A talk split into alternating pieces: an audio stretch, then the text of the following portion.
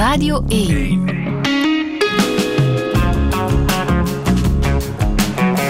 Douche.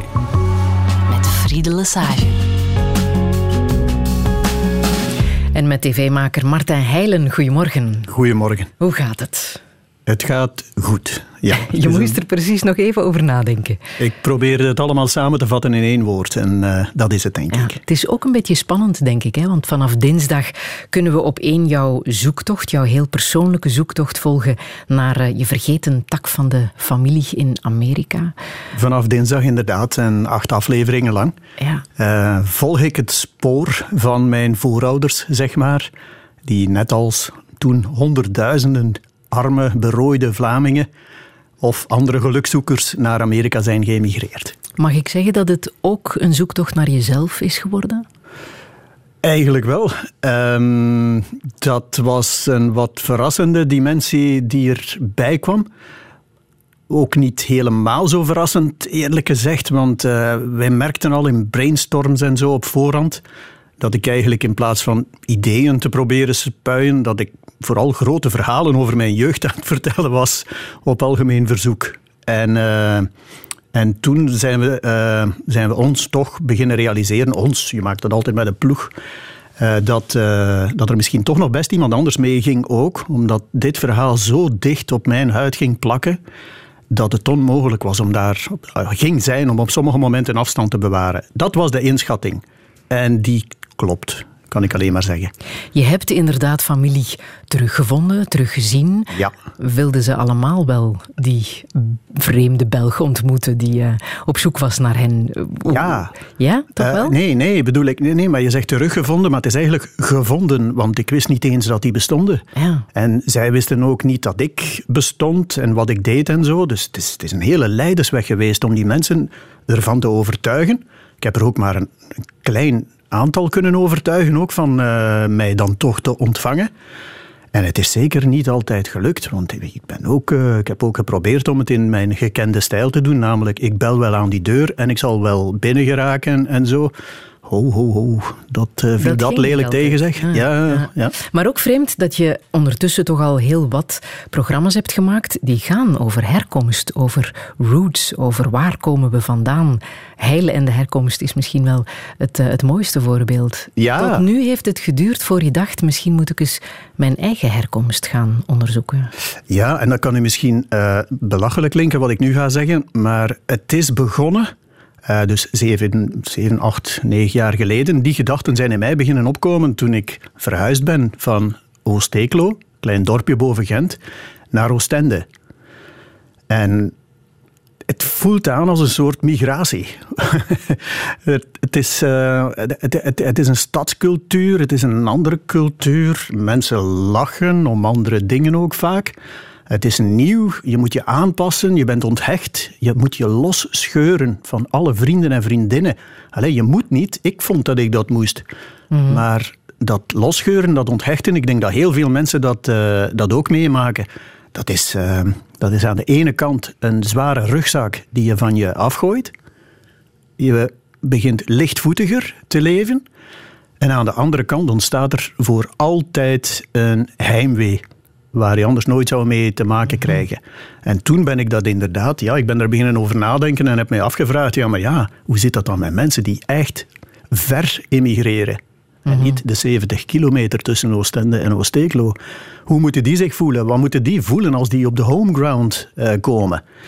Dat was dan vooral het uitgangspunt van uh, Heilen en de Herkomst, waarbij ik dan met bekende uh, mensen, bekende Vlamingen van vreemde origine, naar het land van herkomst terugreisde. En het heeft mij nooit meer losgelaten. Ik moet eerlijk zeggen, zelfs nu, nu ik deze reis uh, beleef en blijf herbeleven, want we zijn nog altijd aan het monteren ook, zelfs nu uh, komen er nieuwe gedachten in mij op en nieuwe inzichten. En ik blijf me maar verbazen daarover ook. Ook over jezelf, want hoe zou jij jezelf nu omschrijven? Dat, uh, er is geen beginnen aan, vrees ik een beetje. Dat is moeilijk. Hè? Een mens zit heel dicht op zichzelf, dus het is moeilijk om jezelf te omschrijven. Ik heb dat nu ook weer gemerkt met het, met het filmen ook, met het draaien. eh, ja, ik, ik weet het niet. Ik kom er meer en meer op uit dat hoe, ouder, hoe ouder ik word, hoe moeilijker het is. Maar ik denk dat dat niet slecht is. Ik zou het heel erg vinden mocht ik nu een omschrijving van mezelf kunnen geven. En als wij elkaar binnen twee jaar zien, terugzien, dat die nog klopt. Het beste aan het leven vind ik dat je je blijft ontwikkelen. En, en nieuwe dingen, nieuwe horizonten opzoekt. En dan, uh, dan ga je nooit eigenlijk goed weten hoe je in elkaar steekt. Mhm. In het boek dat je hebt geschreven, naar aanleiding van deze zoektocht, las ik.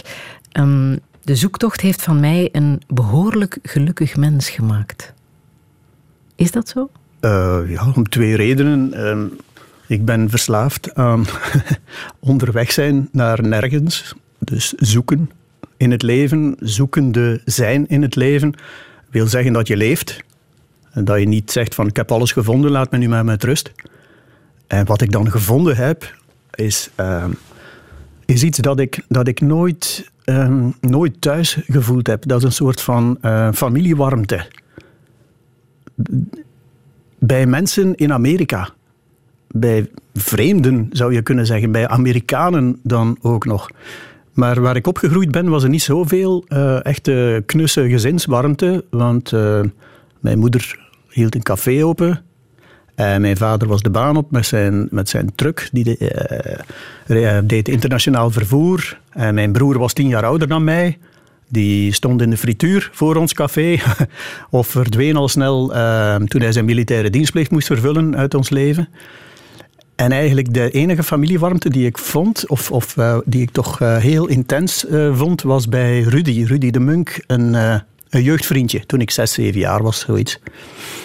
Ik ging daar vaak slapen, omdat bij ons thuis, ja, met dat café, dat was luidruchtig. Dat, dat was, ik kon u verzekeren, dat ging er redelijk wild aan toe.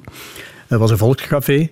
En bij Rudy vond ik familiewarmte. En dat komt omdat die met zeven thuis waren. En eigenlijk, ja, dat, dat, dat was helemaal anders dan bij ons thuis. Iedereen lag daar zo wat door elkaar in die zetels of was met elkaar aan het ravotten. Of uh, uh, we zaten dan met een hele hoop mensen rond die tafel en dan werd er over en weer gepraat. En de luidste, als je iets wou, moest je echt wel je stem verheffen om eraan te geraken en zo. Maar tegelijk ook zo mensen die mij automatisch graag zagen zonder dat ik er iets moest voor doen. Dat was als kind toch wel een ontdekking. Mm -hmm. En toen dacht jij ook, ik heb een kleine familie. Ah ja, ik had een kleine... Te vergelijken met de familie van Rudy. Maar ah, kijk. Nee, nee, nee. En met zoveel andere, de, de, van Lares en de Kriels en, en al die gezinnen en families daar bij ons. Mijn vrouw, mijn vrouw is 55 nichten en neven. 55. Maar hoeveel heb jij er? Een stuk of uh, een nicht heb ik nog. Een neef ook. En daarmee is alles gezegd nu op dit moment. En die in Amerika tel je nog niet mee? Uh, ik heb een stamboom mee. Als je hem wilt zien, wil ik hem rustig eens uit, uitvouwen. Maar hij beslaat 2,5 meter. En, en, en hoeveel en het is een mensen zijn druk. dat? ah, ik, dat? Wel, dat weet ik nu eigenlijk gezegd niet. Ah, misschien nee. toch eens stellen. Marta Heijlen, welkom in Touché. Dank je.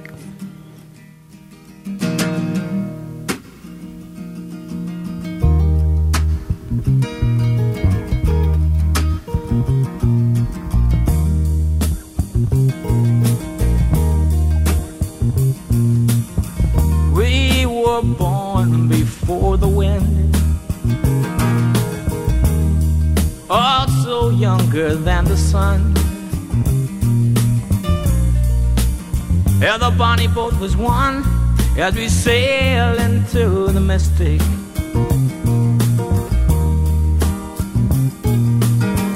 Oh, I can now hear the sailors cry smell the sea and feel the sky. Let your soul and spirit fly into the mystic.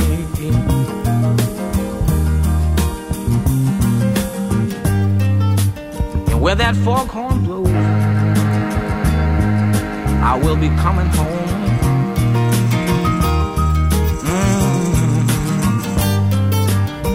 Yeah, when the foghorn blows, I wanna hear it. I don't have to fear and I wanna rock your gypsy soul, just like way back in the days of old. And magnificently we will fold into the mistake.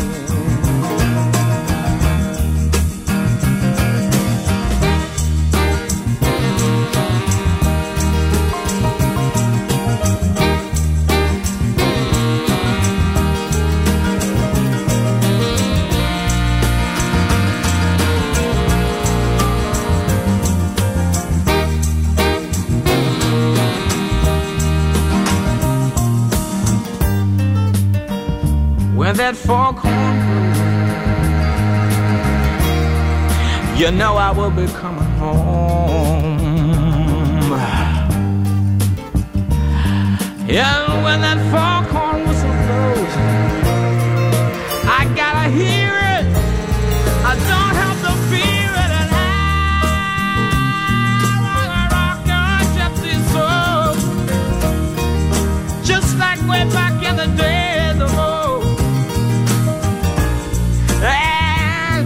that we will fools and to the mistake.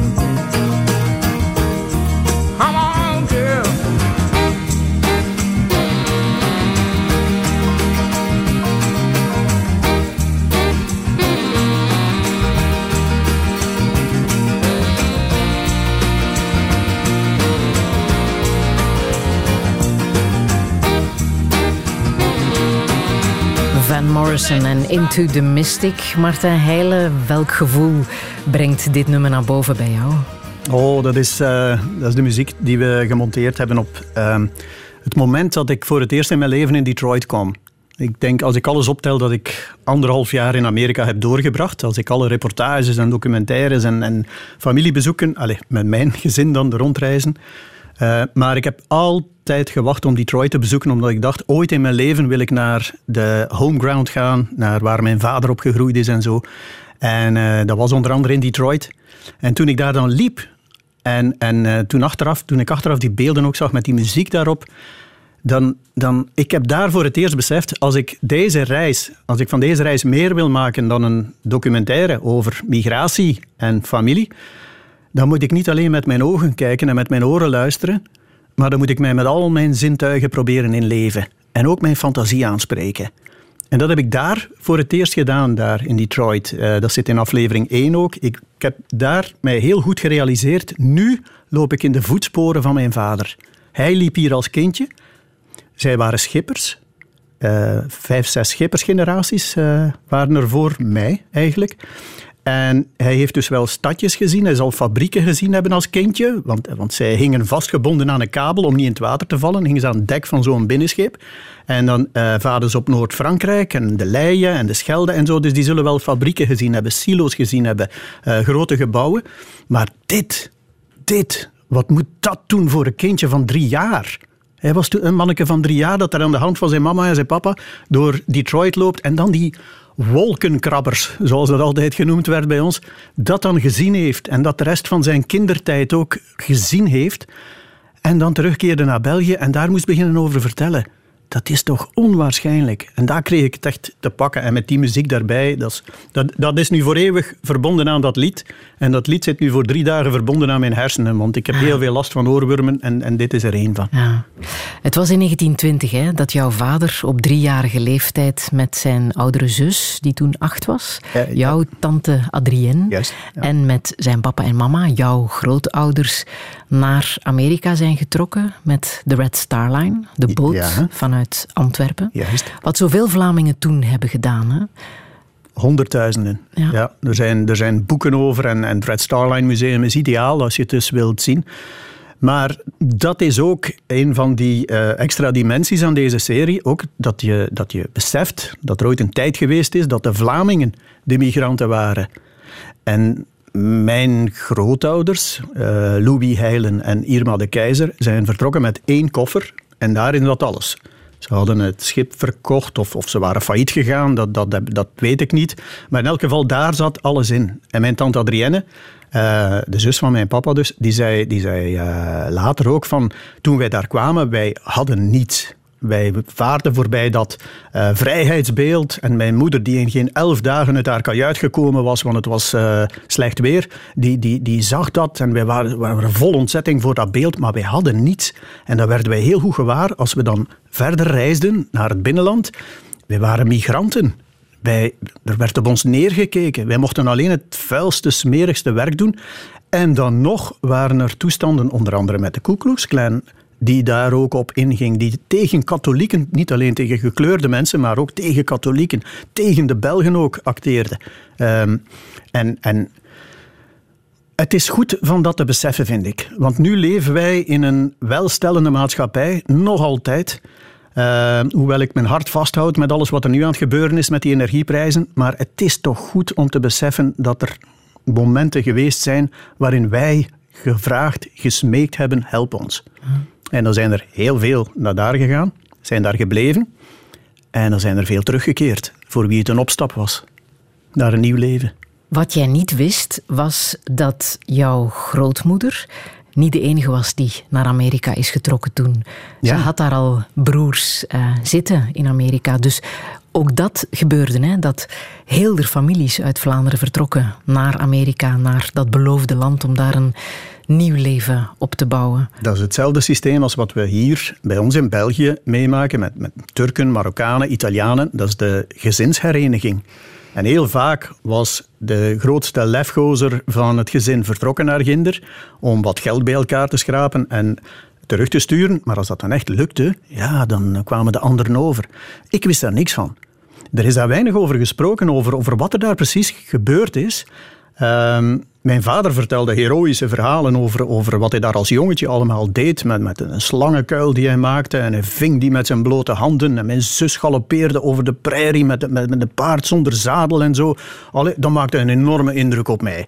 Maar als ik dan vroeg naar mijn grootvader, naar Louis Heilen, dan werd er gezegd, daar gaan we niet over spreken. Dat is gedaan, dat is taboe. Want ze zijn daar uit elkaar gegaan. Jouw grootouders. Mijn grootouders. En mijn grootmoeder is dan... Ze woonden op een ranch, op een grote boerderij. Eh, met 28 koeien of zoiets. Alleen vergeleken met, met toen in Vlaanderen was dat gigantisch. En uh, mijn grootmoeder is toen iets begonnen met de voorman. Of vice versa. Er is veel mogelijk in het leven. En dan uh, zijn ze teruggekeerd. Iedereen is dan precies wel teruggekeerd, behalve van mijn grootvader. Daar werd alleen maar van gezegd. Als ik het vroeg aan mijn vader, dan zei hij: Ja, die is met zijn boot naar de horizon gevaren en is verdwenen voor altijd. Dat was de uitleg die ik heel mijn jeugd gekregen heb. Dus jij dacht, die is daar gebleven? Ja, dat was een van de mogelijkheden. Een andere tak van de familie zei dat hij zich daar doodgedronken had. Dus van die grootvader, die Louis Heilen, die, dat, dat zit al van in het begin van de reeks zit dat daarin. En dat blijft een speurtocht naar een mysterieuze figuur. Heel, heel merkwaardig. Wat je zelf zegt is, um, hoe groot kan die impact zijn van een taboe? He, want die naam is echt verzwegen in jouw familie. Ja. Door, door jouw moeder, door, door jouw grootmoeder. Daar mocht niet over gesproken worden. Nee. En wat was daar het gevolg van dat jij nu zo moet zoeken naar jouw eigen biologische roots? Ah ja, en dat ik er veel te laat aan begonnen ben ook. Want uh, met, uh, met ouder te worden uh, zou, ik het wel, zou ik wel doorgevraagd hebben aan mijn vader ook. Van Ja. oké, je wilt er niets over zeggen, maar zeg dan tegen mij, ik ben uw zoon. Zoals ik met mijn moeder ook nog gesprekken gevoerd heb over andere drama's die in onze familie gebeurd zijn. En uiteindelijk kom je dan wel iets meer te weten. Maar veel te laat aan begonnen. Hè. Ik ben nooit bezig geweest met dat verleden. Daar heb ik nu uiteraard spijt van. Nu vind ik brieven. Ik vind brieven van mijn biologische grootvader, waarin hij smeekt om, om, om hem te komen bezoeken.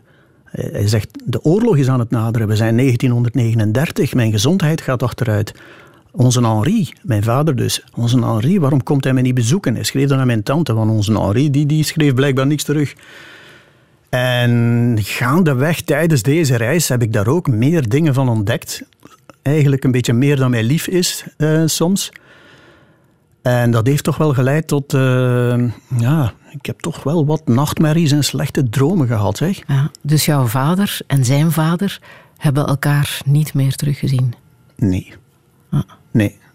Die gedachte is al moeilijk om te begrijpen, hè? Uh, iedereen heeft een vader en uh, ja.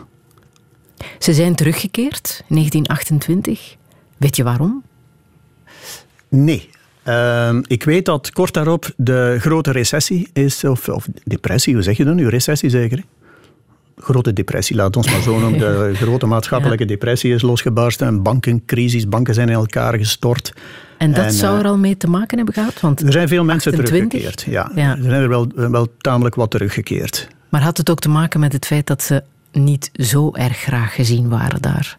Oh, de nu, lokale bevolking. Dat denk ik nu persoonlijk. Ik denk dat dat vooral in het begin was. Eh, wat je hier ook bij ons ziet. Na een tijdje beginnen eh, mensen aan hun toekomst te bouwen.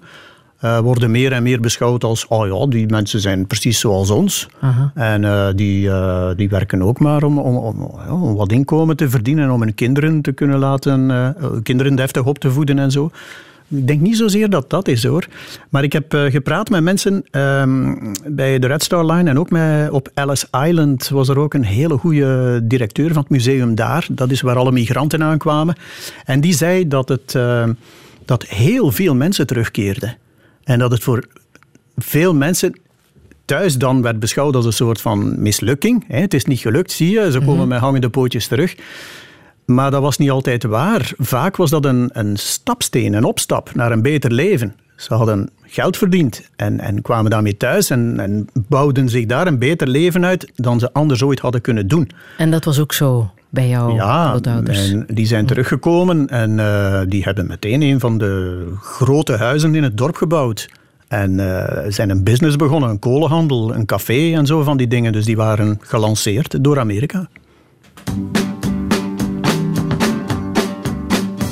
Ah, Wel eens maandag zijn we ziek, dinsdag zijn we moe, woensdag is het weg, donderdag zijn we zot.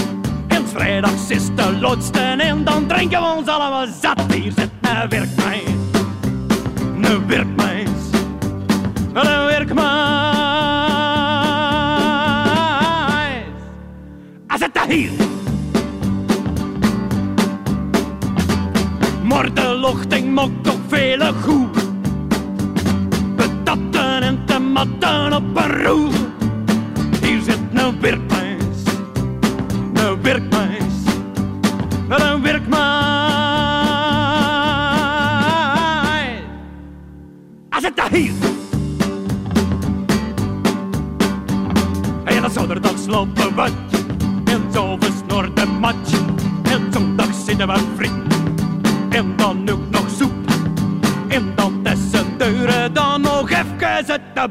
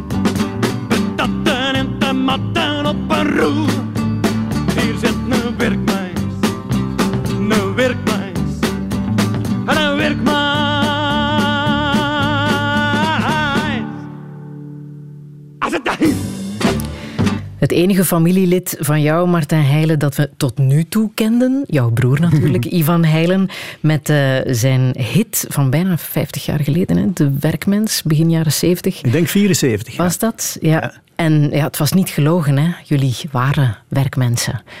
Eh, ja, ja, zeker, zeker, zeker. Ik was, eh, ik was 18 jaar toen, toen het uitkwam. En ja, ik heb al gezegd wat mijn moeder en vader deden. Ivan die had dan iets beter gestudeerd dan ik. Die was laborant geworden, was eh, naar Antwerpen getrokken, eh, daar blijven hangen, eh, muziek beginnen maken.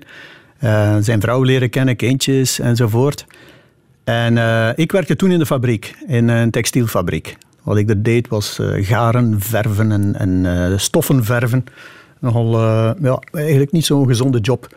En Ivan, die bracht toen dat lied uit. En ik weet nog heel goed dat, dat, dat, dat dat zo ongeveer de eerste was die kon verwoorden wat er allemaal opgekropt zat in een doorsnee werkmens. Ja, hij schreeuwde er het onrecht uit, bijvoorbeeld. Ehm, het onrecht dat je voelde, omdat je dan toch dat, dat vuilste werk moest doen en omdat er op je neergekeken werd ook. Ik voelde dat toch zo aan. Ehm, niet iedereen hoor, er waren ook mensen die daar gelukkig waren, maar goh, het was toch voor weinig geld heel hard werken. Heeft dat voor jou ook geholpen om daar eh, iets aan te doen? Om die fabriek dan toch maar na acht jaar te verlaten? Nee, want dan spreken we al over zes jaar later. Maar het was wel een, eh, een uitlaatklep. Ik was er heel trots op en, en eh, ik was heel fier. Ook dat Oosteekloos dialect. Ehm, ik heb dat altijd een heel mooie, rijke taal gevonden. Uus de Kluus. Just de kluts. Ja, kluts. Just Ja. de kluts van Ja. Just de Klu. En, eh, met hele speciale klanken die je voor de rest alleen in Scandinavië hoort en zo. Maar, ehm, maar het was ook nog eens... Allee, ja, iedereen in de streek was er eigenlijk wel fier op. En hij had ook meteen succes. En eh, ik ben nog mee geweest met, met hem naar optredens. Ook voor dokwerkers, duizend dokwerkers ooit, die, die wild werden van die kreet. Eh, die Antwerpenaars verstonden eigenlijk niet alles wat hij zong, maar ze wisten wel van eh, dit is uit het hart. Dit is eh, straf. Hm, Maar als je zegt, ik, ik was daar toch gelukkig mee. Het zijn ook gelukkige jaren geweest, interessante jaren voor jou. Die acht jaren dat je zelf in de fabriek hebt gewerkt. Bah, gelukkig niet hoor. Eh, het was vooral uitzweten. Het was ochtends om vijf uur beginnen tot één uur, ofwel van één tot negen in shiften. Eh, dus om vier uur opstaan. Poeh, 51 frank per uur, herinner ik mij nog, wat nu een euro en een kwart is. De- dan moet er al veel inflatie overgaan vooraleer je het gevoel krijgt dat je rechtvaardig betaald werd in de tijd. Nee, nee, eh, gelukkig echt niet. En op het einde was het echt erg. Dan... eh, Weet je wat het is? Hè? Als je zin hebt om dingen te creëren, om, om, om, eh, om jezelf uit te leven, als je voelt dat er van alles in jou zit en je, je, je hebt geen enkele mogelijkheid om dat te uiten, en je weet wel dat je het zou kunnen en zo, dan uh, dat, is, dat een enorme kracht die blijven groeien is. En waar uiteindelijk, toen ik mijn vrouw leren kennen heb, um, dan, dan, ik dacht ik raak nooit meer uit die fabriek. Want je stompt ook af. En toen ik mijn vrouw leren kennen heb en zo, dan, uh, dan is dat toch veranderd. Dan heeft die mij toch het gevoel gegeven, niet alleen van je kunt het, want ik wist dat ik het kon, maar vooral van uh, je mag het. En dus noods, als we geen cent meer hebben, leven we wel van mijn loon. En, en kijk wat er is van geworden. En eeuwige ja. twijfelaar ook. Ja, ik twijfel mij te pletter. Ik twijfel nu ook aan alles wat, wat, wat, ik nu aan het maken ben. Maar als er dan iemand is die je gelooft en die zegt van... Uh, het is wel goed, Aha. of het is niet goed, ook heel belangrijk. Aha. Ik zou dat niet doen, maar het is niet goed. Iemand moet je toch een beetje een steun in de rug geven. Uh, allee, iemand, niet zomaar iemand. Iemand uh, die je gelooft en waar je van houdt. Stel dat jij, zoals je vader, truckchauffeur was geworden... Ja. Dan zou het goed geweest zijn hè, voor jouw vader. Waarom? Omdat hij zo'n prachtige brief heeft geschreven die jij nu hebt ah. herontdekt. Ja. Wil je die eens voorlezen? Ja, ja wel. Ik zal, uh, ik zal uh, de context ook even schetsen. Ik was, uh, ik was in het leger in Duitsland. En ja, een van mijn levensdromen ging daar in vervulling. Ik mocht daar met een vrachtwagen rijden. En niet zomaar één, maar ook nog één met een een aanhangwagen achter, een remork. Dus uh, ik had de kans om daar mijn examen te doen, om een rijbewijs C te halen. Ik heb dat nog altijd trouwens. En uh, mijn vader was truckchauffeur geweest, had er heel, zijn, heel mijn jeugd over verteld en zo. En dan had ik hem geschreven, ja, ik ben, ik ben uh, met de camion door Duitsland gereden, gevuld met jerrycans, precies een rijdende bom. En dan ben ik over die bergen gereden en mijn knieën waren bijna bevroren, want mijn chauffage viel uit. Eigenlijk de verhalen die hij altijd vertelde, zoiets jongensachtig, ironisch. Uh -huh. uh, ironisch, wat zeg ik? Heroïs. uh, en dan schreef hij mij een brief terug. En uh, die vond ik nu terug door in dat verleden te, te graven. Beste en waardige zoon. Het woord trots is geboren uit het feit dat ik zie dat je in mijn voetsporen bent getreden en dat ik nu dezelfde gewaarwordingen heb als zoveel jaren geleden. Ook ik heb militairen en hun vrouwen van en naar het station gevoerd. En ook ik heb haarspelbochten genomen in de mist. Ook mijn haar is ten berge gerezen, van schrik en van de kou. Tussen haakjes, helaas kan dat nu niet meer. Hij was kaal. Helaas kan ik u als zeer ervaren chauffeur geen goede raad geven, omdat het een stil is die volledig berust op ondervinding. Maar ik kan u wel aanraden goed te slapen in het bed, maar wakker te blijven in de auto. Ik wens u weinig platte banden, weinig mist. Let ook op het oliepeil en laat de remmen bijtijds nazien. Dag, uw toegenegen vader. Hoe schoon geschreven. Ja, ik, ja, ik was... Ik, ik ben nu al maar meer verrast dat hij zo schoon schreef. Want ik heb nu... Ik heb nog veel van die brieven. Ik dacht dat mijn moeder heel, heel goed was in taal en, en in zingen. En dat was ze. Maar mijn vader die schreef. Mag niet vergeten, die was in Amerika opgevoed. Hè. Die is niet met, met literatuur of zo opgevoed. Wij kregen alleen maar cowboyboeken te lezen, ook als we jong waren. En, en eh, als ik dit lees, dat is toch... eh, ja, het is wat barok natuurlijk. Het zijn wat oude woorden. Haren die de bergen reizen en zo van die dingen. Maar dan toch iemand met taalgevoel en... en eh, Denk je dat hij het jammer heeft gevonden dat hij niet in Amerika is kunnen blijven? Want hij is daar geweest van zijn drie tot, tot eh, zijn elf, twaalf jaar waarschijnlijk. Hè? ja, acht jaar, ja. Ik denk het wel. Ik Ja? denk het wel, ja. ja Zat er ja. een klein Amerikaantje in jouw vader? Ehm, letterlijk en figuurlijk. Hè? Allee, letterlijk. Het is te zeggen, hij was een klein Amerikaantje toen hij terugkwam, want hij kon geen Nederlands schrijven, bijvoorbeeld. Hij schreef zo wat fonetisch. En eh, dat was een, een schok. Toen ze terugkeerden, hoor ik ook van Dianne, mijn nicht. Die, die zegt van, ja, mijn mama, toen, ze, toen die terugkwam, die, die, eh, droeg een lange broek. En dat was een schande in het dorp. Een vrouw met een lange broek. We spreken over 1928, hè. En eh, uiteindelijk heeft ze zich moeten aanpassen en heeft hij een, een rok moeten dragen. Mijn vader kreeg slaag van de meester, omdat hij niet goed Nederlands kon schrijven. Hij zou er wel inslaan. Hij werd opgesloten in het kolenhok, wat ook als gevangenis werd gebruikt als er één keer om de 15 jaar een misdadiger was. In Oosteeklo heb ik me laten vertellen. Maar hij toch- werd daarin ja. opgesloten. Er is toch weinig empathie dan voor Empathie? Nee, nee, er was geen empathie. Want eh, wat hij dan ook deed, was, eh, wat die schoolmeester ook deed, was hem dan in zijn moestuin laten werken. En, dan, eh, en dat deed hij allemaal in plaats van te leren. Maar hij was enorm leergierig voor de rest. Hij heeft, heeft zichzelf alles geleerd van doe het zelf. Hij had thuis ook zelfs een smidse gebouwd, ook, waar ik dan zelf ook nog beitels eh, leren maken heb. Hij, hij wist alles van, van automotoren, eh, alles van, van, van, van visvangst en zo. Hij leerde alles ja, hij was, hij was een, ja, een enorm leergierige mens. En eh, ja, in dat opzicht ook een slecht voorbeeld voor mij, want ik heb ook maar tot mijn 16 jaar geleerd en gedacht van, ja, als hij dat kan. En hij strooide Amerikaanse kruimels in het huis. Hij vertelde de hele tijd over Amerika. Dus het moet wel diep hebben gezeten. Oh, wij werden opgevoed met de Amerikaanse filmsterren. Eh, hij had daar zijn favorieten. We keken altijd naar Amerikaanse films. Eh, zoals veel mensen, nee, allee, begrijp me niet verkeerd. Maar dan ook, eh, s s'nachts zaten mijn broer en mijn vader en ik zaten te kijken naar eh, boksmatchen van eh, Cassius Clay, later Muhammad Ali, de grote wedstrijden tegen Joe Frazier enzovoort. En, en, en die zaten mee te gesticuleren en te slaan. Mijn vader en mijn broer en ik als klein manneke zat daar natuurlijk ook wel, eh, werd er ook door meegesleept. En dan vooral, ja, hij heeft mij mij en mij niet alleen, mijn broer ook, hè, heeft hij, en mijn moeder ook, heeft hij toch duidelijk gemaakt dat leven in een dorpje, dat dat heel gezellig is. Want hij organiseerde van alles. Bonte avonden, hij deed zelf stunts, hij hypnotiseerde beesten, hij deed van alles. En dat er een gemeenschap moest zijn. En, de schuttersmaatschappij die bij ons thuis was. Dat, dat er verbondenheid moest zijn. Dat heeft hij ons geleerd. Maar ook, en dat is heel belangrijk, dat er daar buiten, dat daar een wereld is. Een wereld vol met potentiële avonturen.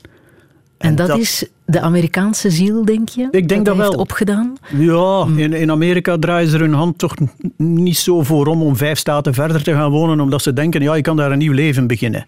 Vijf staten, dat is alsof wij nu, allee, ja, jij emigreert naar Roemenië en ik naar Senegal morgen, hè, om- omdat we denken, het is er ook wel tof aan de radio. Dat is toch, eh, ja, dat lef en zo achteraf bekeken. Hè, als ik het nu zo bekijk, hè, het is niet dat ik mezelf altijd zo'n held gevonden heb, maar eh, het heeft toch wel, het heeft nieuwsgierigheid eh, en verwondering ingeplant. En dat is de basis, denk ik.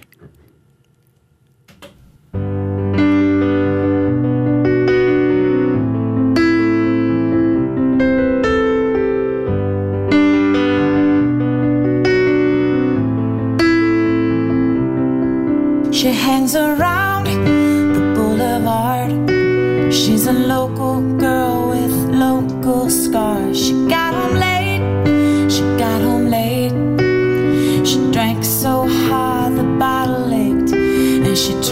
and she tried and she tried and she tried. But nothing's clear in a bar full of flies. So she takes and she takes,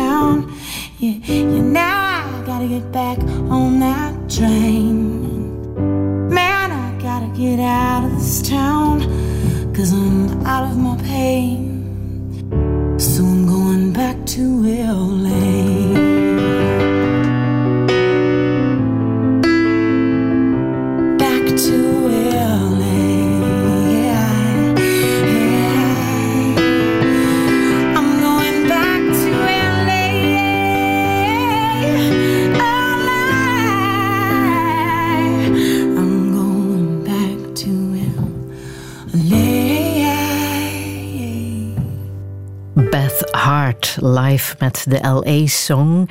Martijn Heijlen, wat eh, brengt dit nummer bij jou teweeg? Ik ben daar altijd eh, heel erg door ontroerd. Ja, er zijn, er zijn echt dagen dat het dwars door mij snijdt. En eh, dat gaat echt over een, een vrouw die wil uitbreken. Niet uit een klein dorp, maar uit LA, een wereldstad, maar uit dat milieu waarin ze zit. En die iets meer wil, die iets anders wil, maar wordt constant bedrogen door mannen. En eh, ja, uiteindelijk neemt ze dan toch de trein. Je moet dat durven, hè. Het, het lef hebben om dan te zeggen, ik stap nu uit mijn wereld en ik ben weg. En daardoor past dat goed in, deze reeks ook, vind ik. En in de hele gedachte waar we nu mee bezig zijn. Zij neemt dan die trein, ze gaat weg. Ze komt in een klein dorp, een klein stadje. eh, bouwt daar een leven op. Wordt opnieuw bedrogen door een vent. En eh, zegt dan, oké, ik neem wel de trein terug naar L.A. Gaat ze terug naar L.A. Dus eh, het gaat ook over waar je ook naartoe gaat of waar je ook naartoe vlucht. Je neemt toch altijd je ziel mee, je karakter. En eh, ja, je zult daar ook tegenslagen hebben. Hè. Ze heeft twee versies van dit nummer gemaakt. Hè. Omwille van die ene zin, she's got a gun, she's got a gun. She's got a gun, she called the lucky one. Lucky one, ja. Ja. Weet je waarom dat ze Nee, nee, daar een nee. andere versie van gemaakt heeft? Dit nummer kwam uit tijdens het eh, bloedbad op eh, Columbine High School. Ja. De shootings in Amerika, die veel te veel en veel te vaak plaatsvinden in, eh, in scholen. Absoluut. Ja. En waar ze zich eh, toch wel een beetje verveeld bij voelde dat ook dat onderwerp in haar nummer Ja. zat. ja, dat is Amerika. Hè. Zucht je. Ja. Hoe, Ja. hoe zat het bij jouw familie? Heeft eh, jouw familie in Amerika wapens thuis? Ja. Hm? Ja, ja. En- Waar heb je dat Meer gezien? dan één. Ja, op verschillende, eh, bij verschillende achterneven en achternichten. En die Lucky One, ik, ik weet zelf niet goed wat Beth Hart daarmee bedoelt. Waarschijnlijk dat ze die, die de mannen die haar bedrogen heeft nog het liefst zou neerschieten of doodschieten.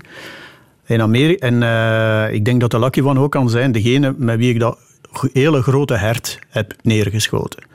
Want dat was een van de eerste dingen waar ik mee geconfronteerd werd. Ik, ik, moest al, ik mocht al meteen mee gaan jagen met eh, Kevin de Keizer en Jason de Keizer. De, de Keizers zijn langs mijn grootmoeders kant, zij heette de Keizer. En eh, die namen mij ook mee. En, en ik, ik, moet- ik, was, ik was aan het supporteren voor het hert, hoor. Eh, ik, ik wou liever... Ik heb gemengde gevoelens tegen, tegenover eh, jagen. En, ehm, maar tegelijk, ja, kreeg ik zo'n goede band met die twee mannen. Dat dat zo de eerste keer was dat ik wat verscheurd was.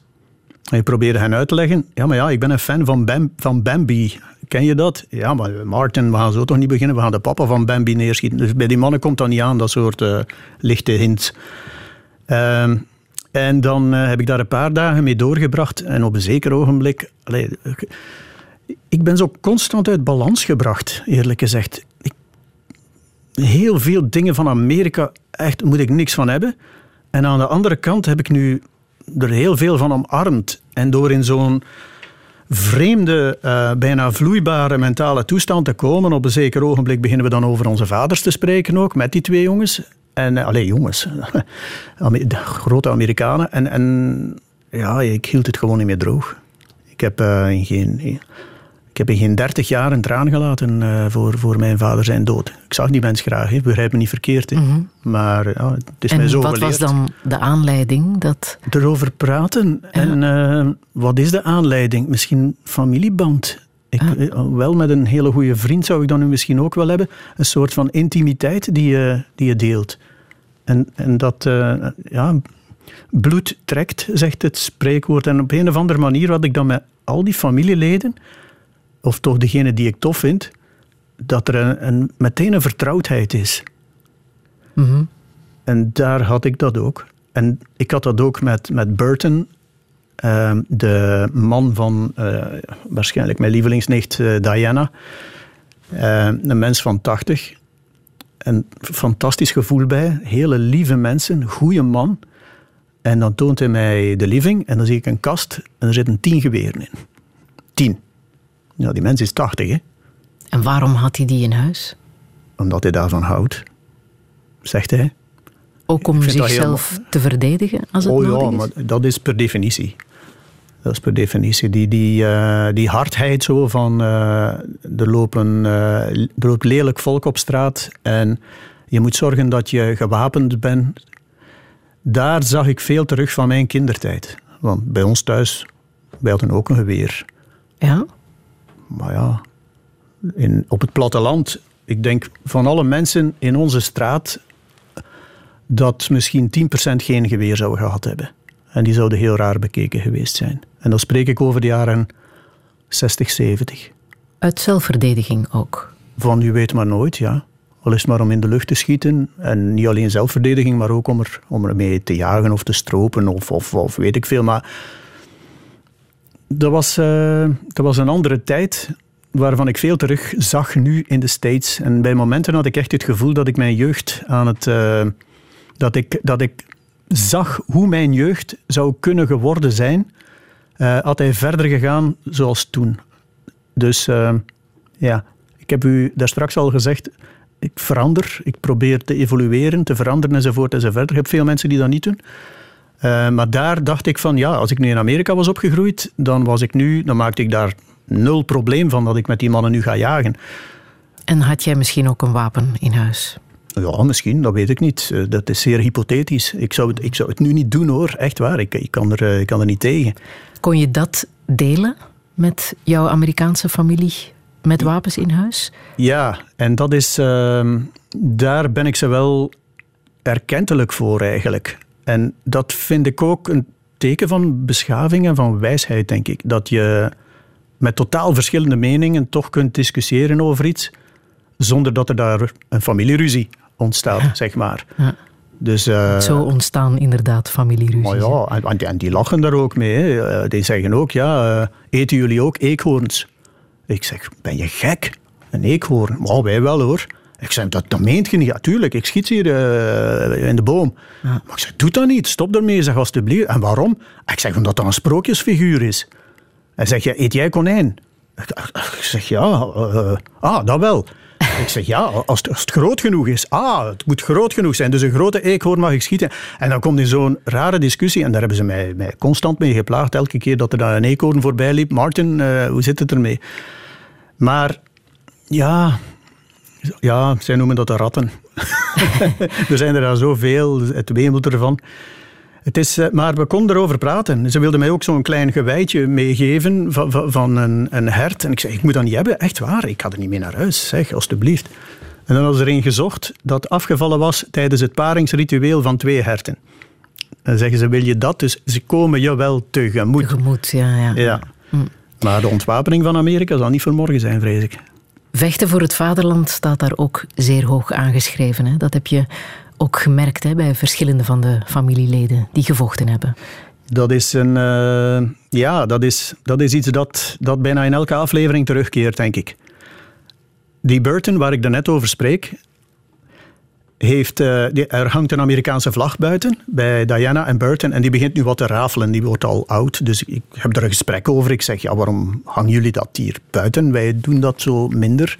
En dan zeggen ze, ja, dat is voor ons een teken van vrijheid en fierheid eh, op ons land en op onze samenleving. En ook, ik heb daar gevochten in Vietnam. Ehm, maar kijk, je moet- ik wil toch even duidelijk maken dat als je naar daar gaat met een Europese blik, een Belgische of Vlaamse blik, zonder dat je open staat voor een andere cultuur, dan ben je in feite verkeerd bezig. Ik, iedereen is erover eens als we naar Afrika gaan of naar Azië of naar Thailand, dat je moet openstaan voor die cultuur en dat je moet luisteren en zo. In Amerika, ik merk toch dikwijls dat dat bijna hetzelfde is als eh, supporteren voor verschillende voetbalploegen. Het is zwart of wit. En dus eh, met die vlag is dat ook zo. Dus ik luister daarnaar, naar die vlag, eh, naar het verhaal van die vlag. En dan, eh, en dat is Burton, maar ik heb, daar wel, eh, ik heb nu wel prostaatkanker ontwikkeld. Hoe komt dat? In de tijd, in Vietnam, sproeiden de Amerikanen Agent Orange over de oerwouden. Omdat de Vietcong, de tegenstander, zich verschool in het gebladerte. En om dat te ontbladeren, sproeiden ze dat daarover. Nu, decennia later, 40, 50 jaar later, ontwikkelen duizenden Amerikanen kanker. Nu kun je zeggen, dat is bij ons ook. Daar heeft het rechtstreeks te maken met die Agent Orange. Carol, een andere achternicht haar man, is er nu van gestorven, van een andere kanker. Dat is verschrikkelijk. Dat is verschrikkelijk. En, en, en, en zij weten dat, maar ze zeggen wel, als je opgeroepen wordt, moet je gaan vechten. En dan heb ik mij de bedenking gemaakt, oké, ik kan hier wel de pacifist zitten uithangen en zeggen, het, eh, oorlogen moeten stoppen. Dat is het gemakkelijkste. Ja, ik denk dat iedereen dat vindt, oorlogen, zij vooral.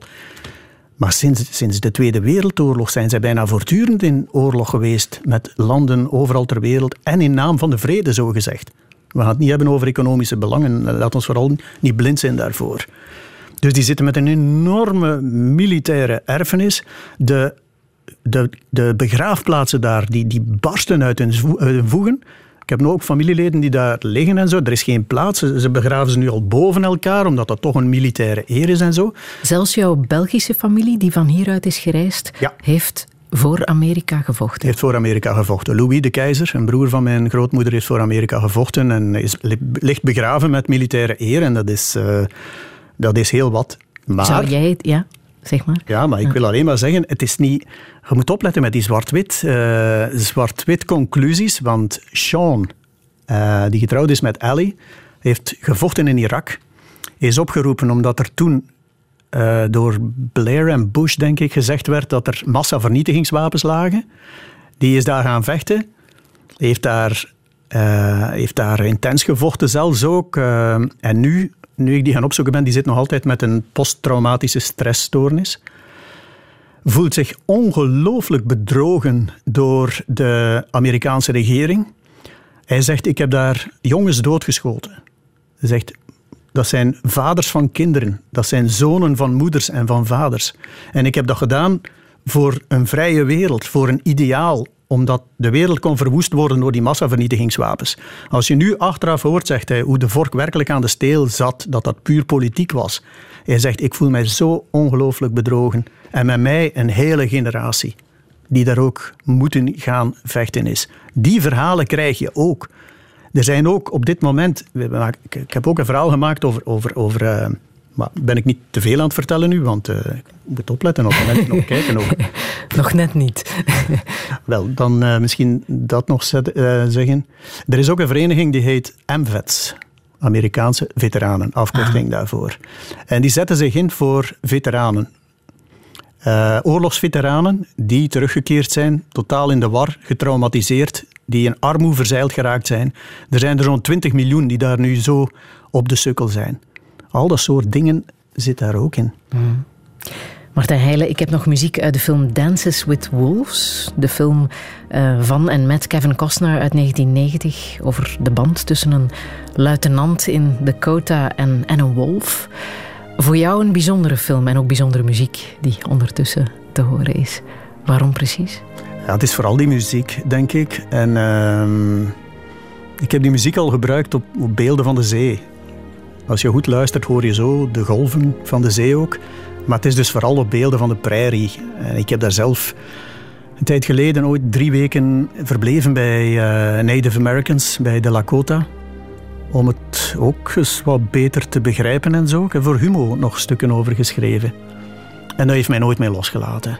Die liefde blijft voor eeuwig. En die muziek ook, dat is... Ik ben opgegroeid met dat soort dingen, met dat soort films. En, en met boeken en heel die cultuur van Amerika. En als ik daar dan loop nu, waar mijn vader dan gelopen heeft, en ik kijk naar die enorme vlakte, en dan hoor je die muziek erbij, dat... eh, ja, dat, eh, dat kan ik moeilijk in woorden uitleggen eigenlijk.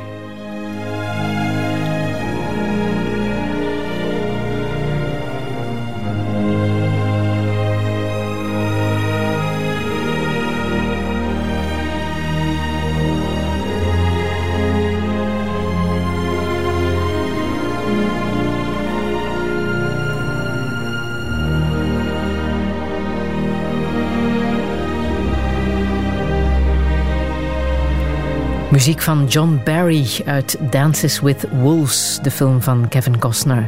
Martijn Heijlen, wij praten zometeen verder. Radio 1.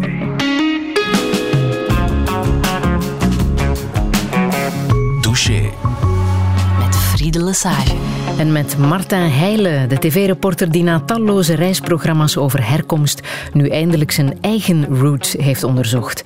Die zoektocht bracht hem via de passagierslijsten van de Red Star Line tot in het Amerikaanse Michigan. Hoewel hij dacht dat hij een kleine familie had, kan hij nu zowat de hele sportzaal vullen. Maar hoe moet het verder? Kijkt hij nu anders naar Amerika? Begrijpt hij zichzelf beter? En gaat hij voortaan Thanksgiving vieren? Dit is Touché met Martijn Heijlen. Een zeer goede middag. I've got plenty to be thankful for. I haven't got a great big yacht to sail from shore to shore. Still, I've got plenty to be thankful for. I've got plenty to be thankful for. No private car, no caviar, no carpet on my floor. Still, I've got plenty to be thankful for. I've got eyes to see with, ears to hear with, arms to hug with, lips to kiss with, someone to adore. How could anybody ask for more? My needs are small, I buy 'em all at the five and ten cent store. Oh, I've got plenty to be thankful for.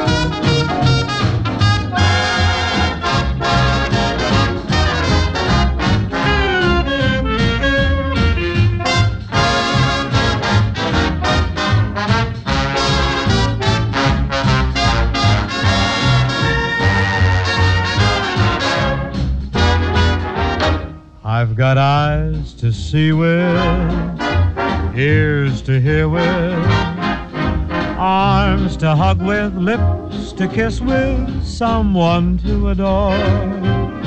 How could anybody ask for more?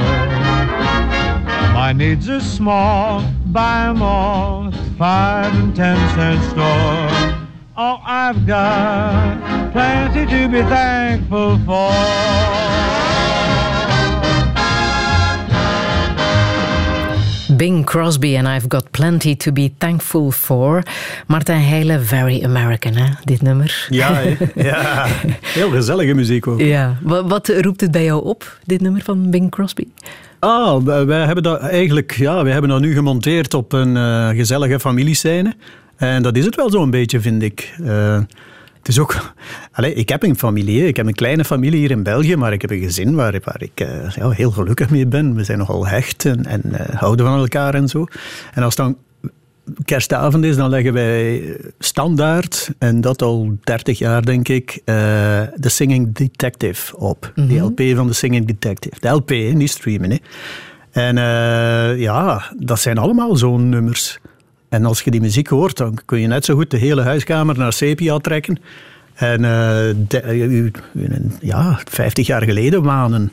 Ah, Ik vind is, dat een dit, hele mooie romantiek. is dit ook de muziek die Amerikanen spelen op een dag als Thanksgiving bijvoorbeeld? Ah ja, ze kennen ze wel hè, natuurlijk. Dat zijn hun klassiekers. Hè. Ja. Ehm, ja, Thanksgiving. Thanksgiving is. eh, ja, ik weet niet of de mensen dat hier kennen, maar. Thanksgiving is het familiefeest bij uitstek. Dat is zo'n extra feestdag waarvan ik vind dat ze dat eigenlijk ook wel hier mogen lanceren. Als ze dan toch ook Halloween doen en een aanslag plegen op alle pompoenen in eh, Vlaanderen, mogen ze ook wel eens zoiets eh, verzinnen. Maar dat is echt een dag waarop dank u wordt gezegd. Dank u, ja. ja, ja. Het is eigenlijk, eh, het is eigenlijk zo'n dag dat je dankbaar bent om je familie, omdat je familie bent. En dat is, dat is een volksverhuizing. Van, van overal in Amerika zijn mensen over en weer aan het rijden, vliegen, noem maar op, om naar hun familie te gaan. En het is niet uitzonderlijk dat, dat mensen twee, drie dagen onderweg zijn om dan samen eh, aan tafel te gaan zitten. En dan is het recept zo wat overal kalkoen. Dat is dan een aanslag op het kalkoenenbestand in Amerika. Gevulde kalkoen, in het geval van eh, mijn familie. Met een vulling die ik zelf maar niks vind, maar eh, dat heb ik dan ook gezegd. En daar waren zij dan weer niet mee eens.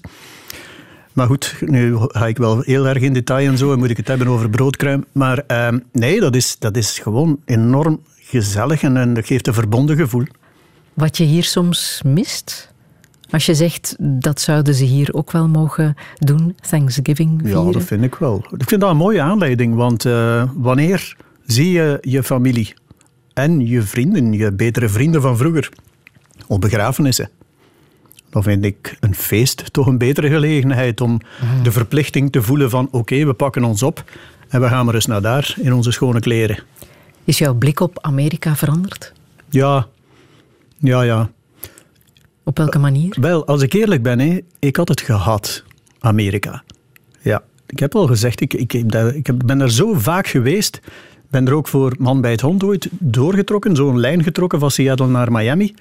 En ik heb het altijd fascinerend gevonden om, om in dat land te zijn. En nog fascinerender om mensen, via mensen dat land te leren kennen. Maar ik had het wel gehad. Er is, eh allee, ik bedoel, ik, die polarisatie die daar is, die politieke polarisatie, dat, oh, dat wapengeweld en, en al, nog, kan nog een heleboel andere dingen opnoemen. Maar ja, Amerika, laat ons duidelijk zijn, heeft ons toch ook films gebracht. Muziek, zoals we er net gehoord hebben. Fantastische zangers. Amerika heeft Bruce Springsteen voortgebracht, om maar iemand te noemen. En eh goede schrijvers ook.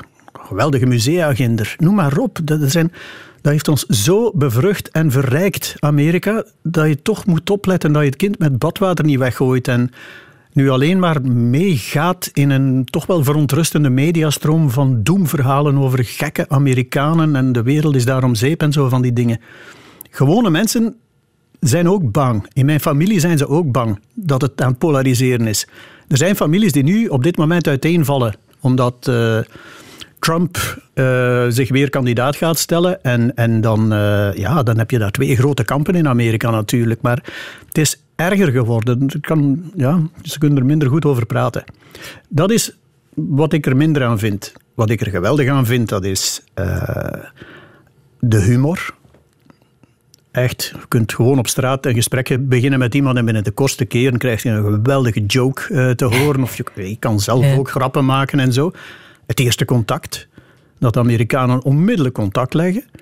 Dan wordt er gezegd, ja, maar is dat niet oppervlakkig? Ah, dan zeg ik, oké, goed, maar probeer dan eens mee te gaan naar huis en praat eens over het leven. Die zijn met hetzelfde bezig als wij, hoor.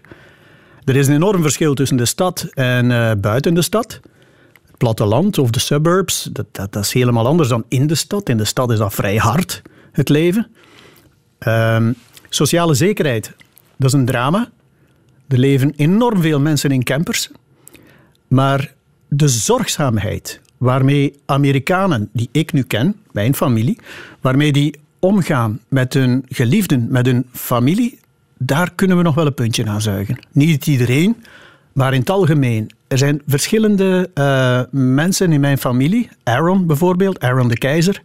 Dat is een jongen die zijn werk opgegeven heeft om zijn broer te verzorgen omdat die broer ziek werd.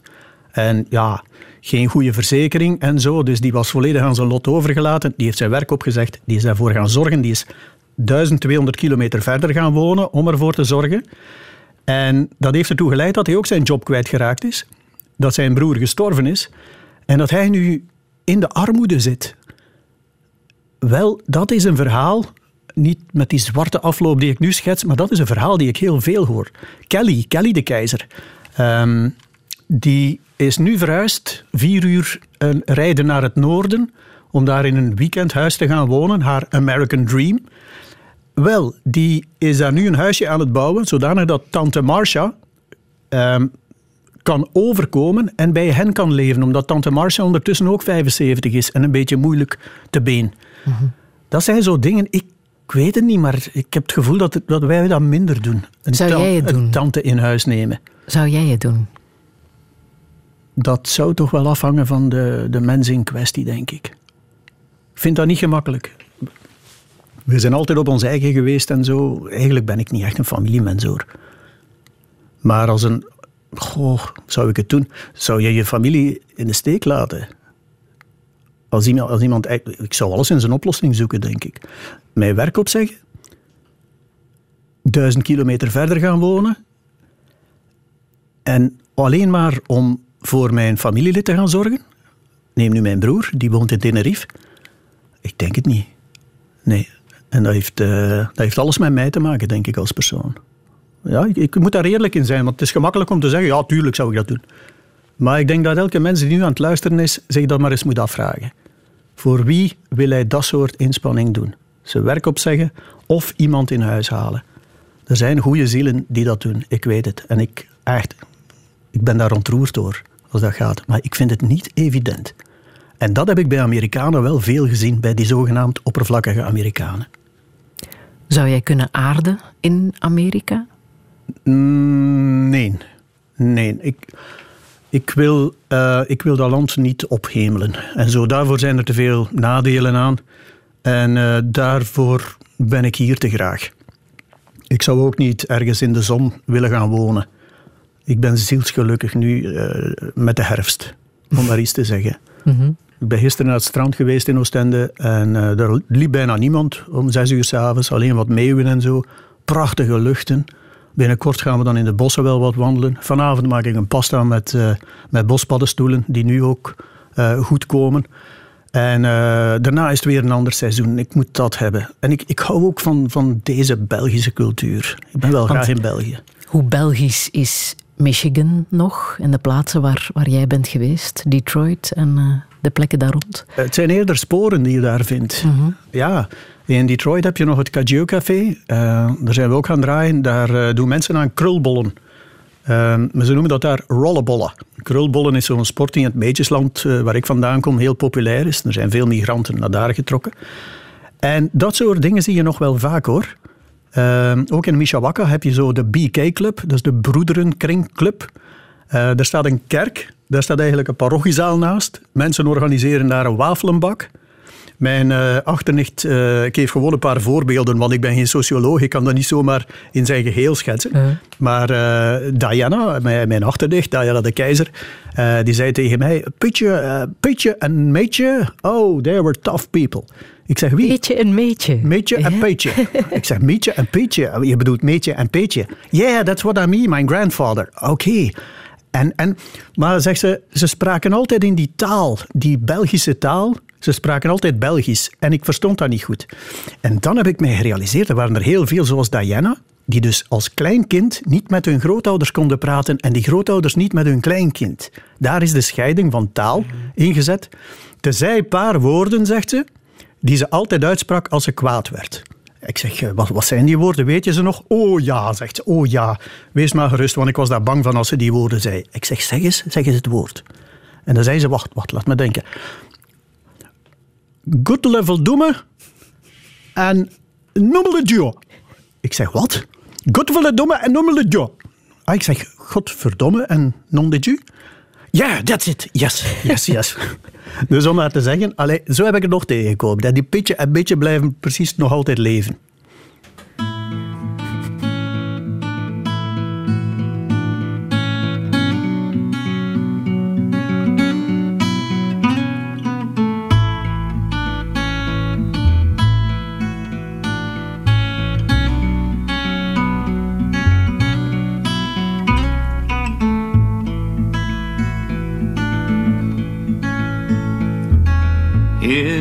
Go on this roller coaster life we know, with those crazy highs and real deep lows. I really don't know why.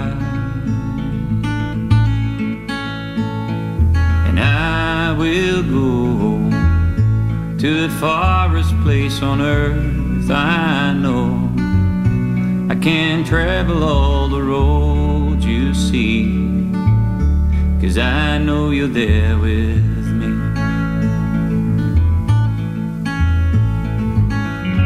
You don't have to slow me down, cause I will always be around. I will find my way back home where magnolia grows, where magnolia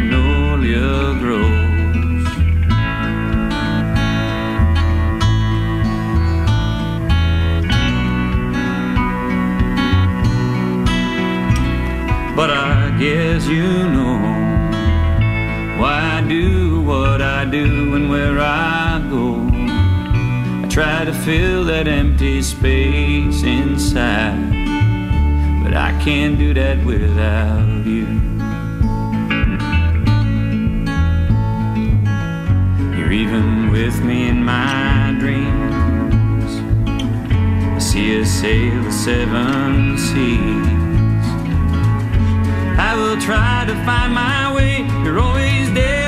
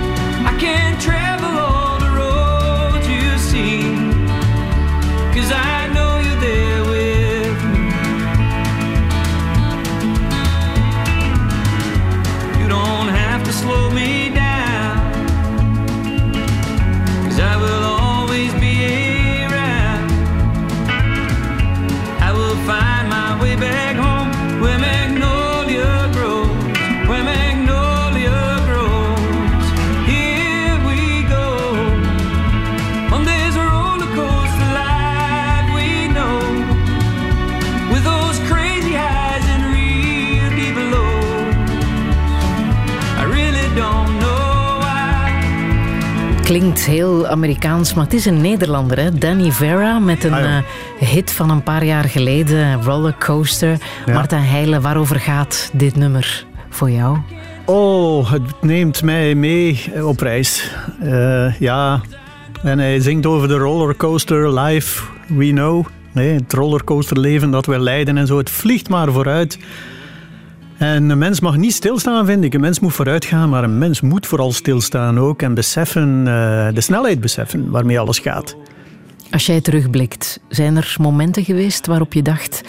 Hier eindigt het. Mijn leven hangt hier aan een zijden draadje. Oh ja, zo zijn, zo zijn er wel wat geweest, maar dat had dan vooral eh, met medische toestanden en zo te maken. Eh, geen, alhoewel, ja, toch één keer in Rusland ook, dat er iemand met een geweer liep te zwaaien en ons bedreigde. Heb ik ook nog meegemaakt, dat ik dacht van oeps.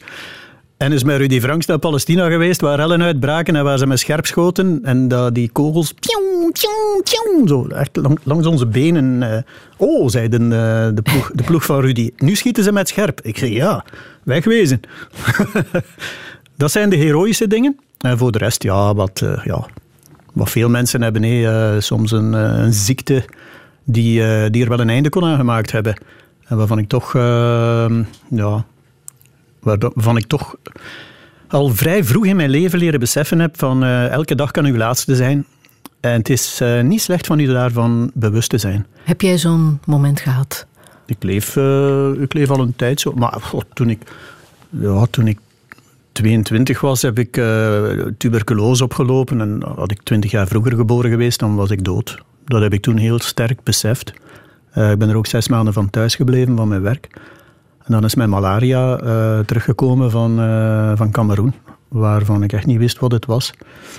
En dan zelf in de verfstoffen gewerkt, ik heb je dat verteld, toen ik nog jong was. En daar ook decennia later ook hele rare ziekte, een soort oppervlaktekanker van ontwikkeld ook aan mijn ingewanden. Eh, dus wat die Amerikanen nu meemaken met die Agent Orange, dat is toch wel een feit. Dat je zoveel jaren later eh, er ook kunt aan doodgaan.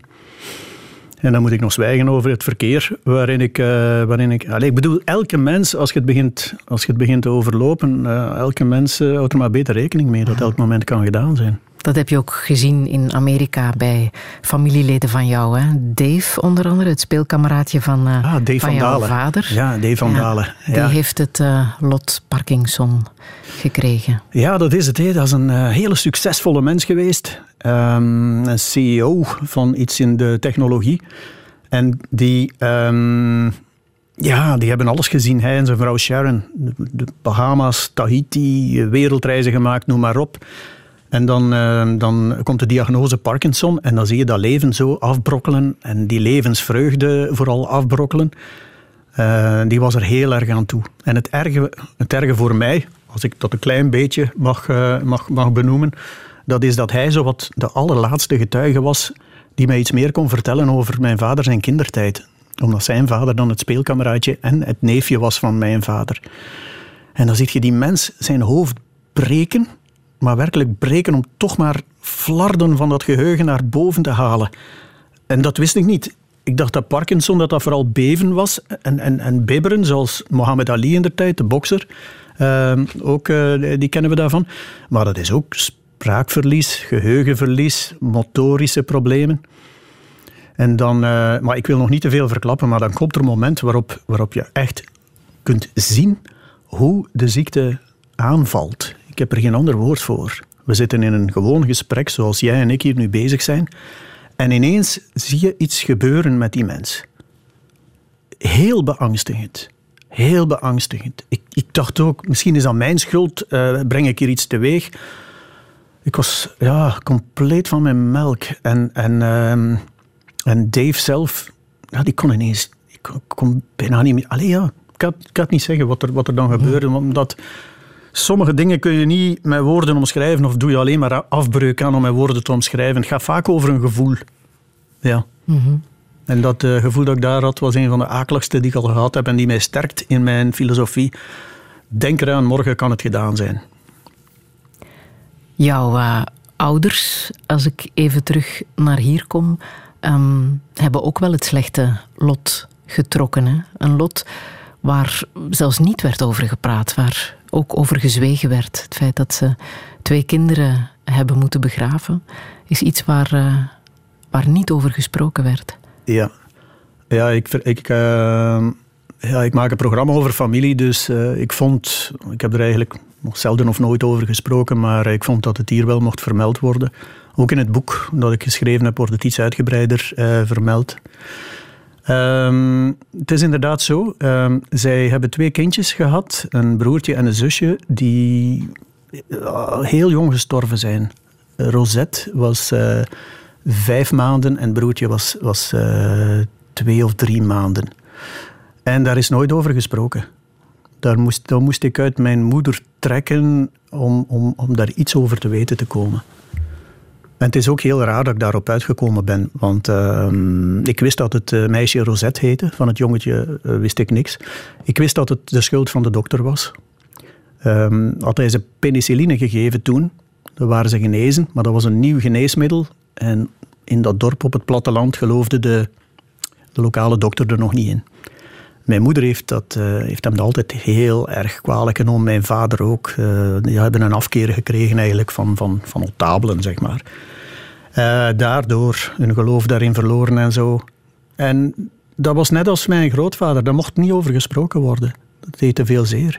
Toen ik dan ouder was, heb ik dan nog gevraagd aan mijn moeder, maar vertel het mij. En zegt ze, maar waarom? Ik zeg, ik heb daar recht op. Ik, ik, ben, ik ben uw zoon, het zijn mijn broer en mijn zus. En ze zei, maar waarom moet ik dan nu weer naar boven halen? Waar iets dat zoveel zeer doet, dat mij zoveel zeer heeft gedaan, jij wilt dat ik dat nu opnieuw begin te vertellen? Ik doe het niet. En nu ik daarop terugkijk, denk ik, allee, kijk ik daar toch anders tegen, tegenaan. Milder. Toen werd ik opstandig en, en kwaad ook. Ik vond dat ik dat recht had. Ik vind het nog altijd trouwens, maar ja, goed. eh, ik durf er niet eens aan denken dat het mij zou overkomen en wat ik dan zou doen. Heb je genoeg gepraat met je ouders? Nee, ik denk, eh, dat soort gesprekken waren ook niet altijd mogelijk hoor. Ik denk ook niet dat je als eh, vader of moeder alles kunt en wilt delen met je kinderen. En ik denk ook niet dat je kinderen, ook als ze al volwassen zijn, alles delen met jou. Allee, ik denk het niet, ik weet dat gewoon. En ik vind dat ook goed. Ik hoef echt niet alles te weten van mijn dochters hun leven. Alles wat ik er mag van delen is een geschenk voor mij. En, en voor mijn vrouw. Wij koesteren dat. Wij, wij zijn daar zielsgelukkig om. Maar je mag nooit eisen dat, dat, dat ze alles delen. Ik, ik bedoel, we hebben ook ons zorgen gehad en zo, die wij dan afschermden voor hen. En we merken ook aan hen dat zij dat nu doen voor ons, vanuit, vanuit een liefde, eerder dan van er niet willen over praten. Of dan wel, en dat is privacy. Maar zoals het eraan toe ging met eh, dat broertje van mij, eh, ik, heb, ik heb dan uiteindelijk... Ik heb ooit eens in een doos op zolder dan, ik denk dat ik al 16, 17 jaar was, heb ik, eh, vond ik ineens bitprentjes. Zo'n oude fotodoos, ik was aan het rommelen in oude spullen. En daar zat het bitprentje van Rosette, van mijn zus. En dan zocht ik verder en dan vond ik het bitprentje van mijn broer. Ja, en dan las ik Martin Heilen. Hij heette Martin. Ik wist het niet. ik blijf me daar allee, tot op vandaag over verwonderen dat ik het ook nooit gevraagd heb en dat ik het dan ineens zag, mijn eigen naam, op een rouwbrandje. Ja, Heb je dat gevoeld als kind? wat? Dat je een tweede kans was? Ik moest vooral een dochter geweest zijn, is mij altijd gezegd. Dat zei mijn moeder. Ik moest een dochter geweest zijn en ik was mislukt. Heeft jou dat pijn gedaan? Ja, ik was mislukt als geslacht. Je kunt daar niet veel aan doen. Hè. Heeft dat pijn gedaan? Tuurlijk. Geen enkel kind wil zoiets horen. Tuurlijk niet. Maar ik, ik werp mijn moeder geen steen hoor. Ik wil dat er echt ook bij zeggen. Wel als kind, hè. als kind kun je dat niet plaatsen. Ik denk dat een kind is alleen met zichzelf en zijn eigen ontwikkeling vooral bezig. Hè. En dan, eh, als iemand dan zegt van je bent niet goed genoeg of, of, of zo, dat gaat heel diep.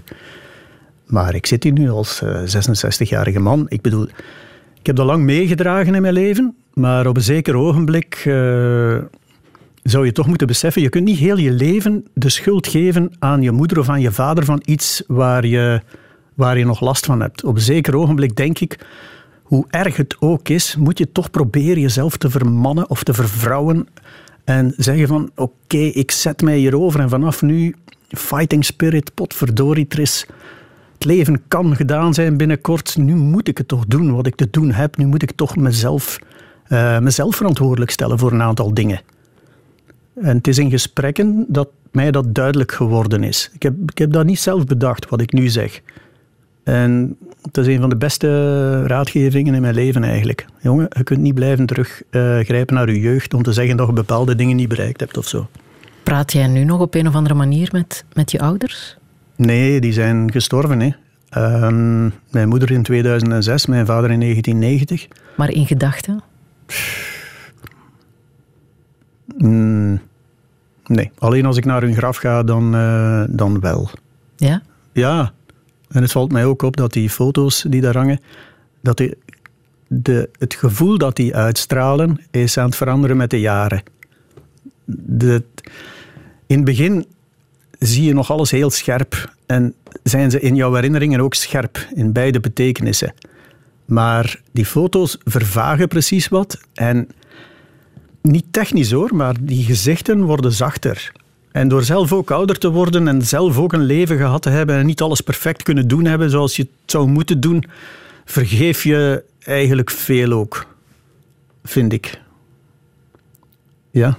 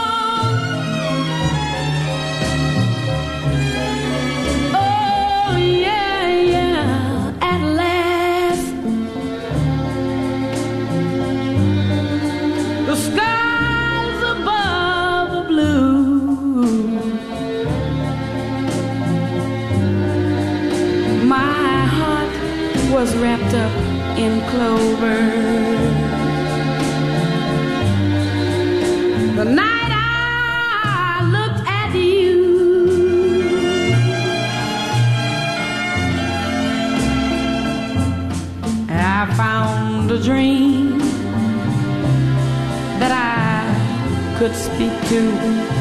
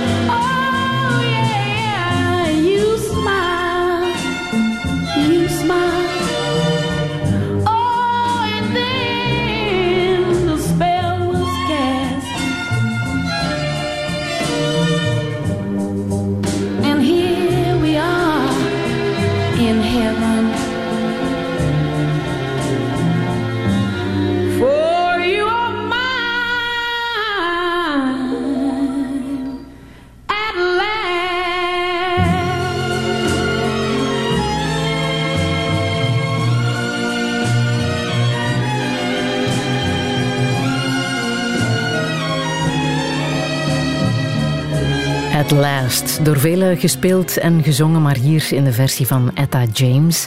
Martijn Heijlen, is dit voor jou de ultieme lofsong? Ah, zo had ik het nog niet bekeken. Nee? Eh, nee, nee, nee. Ik vind het gewoon een prachtig nummer. En het is een, eh, ja, het is een zwarte zangeres. En ik ben in Detroit, 79% van de mensen daar zijn, zijn gekleurd.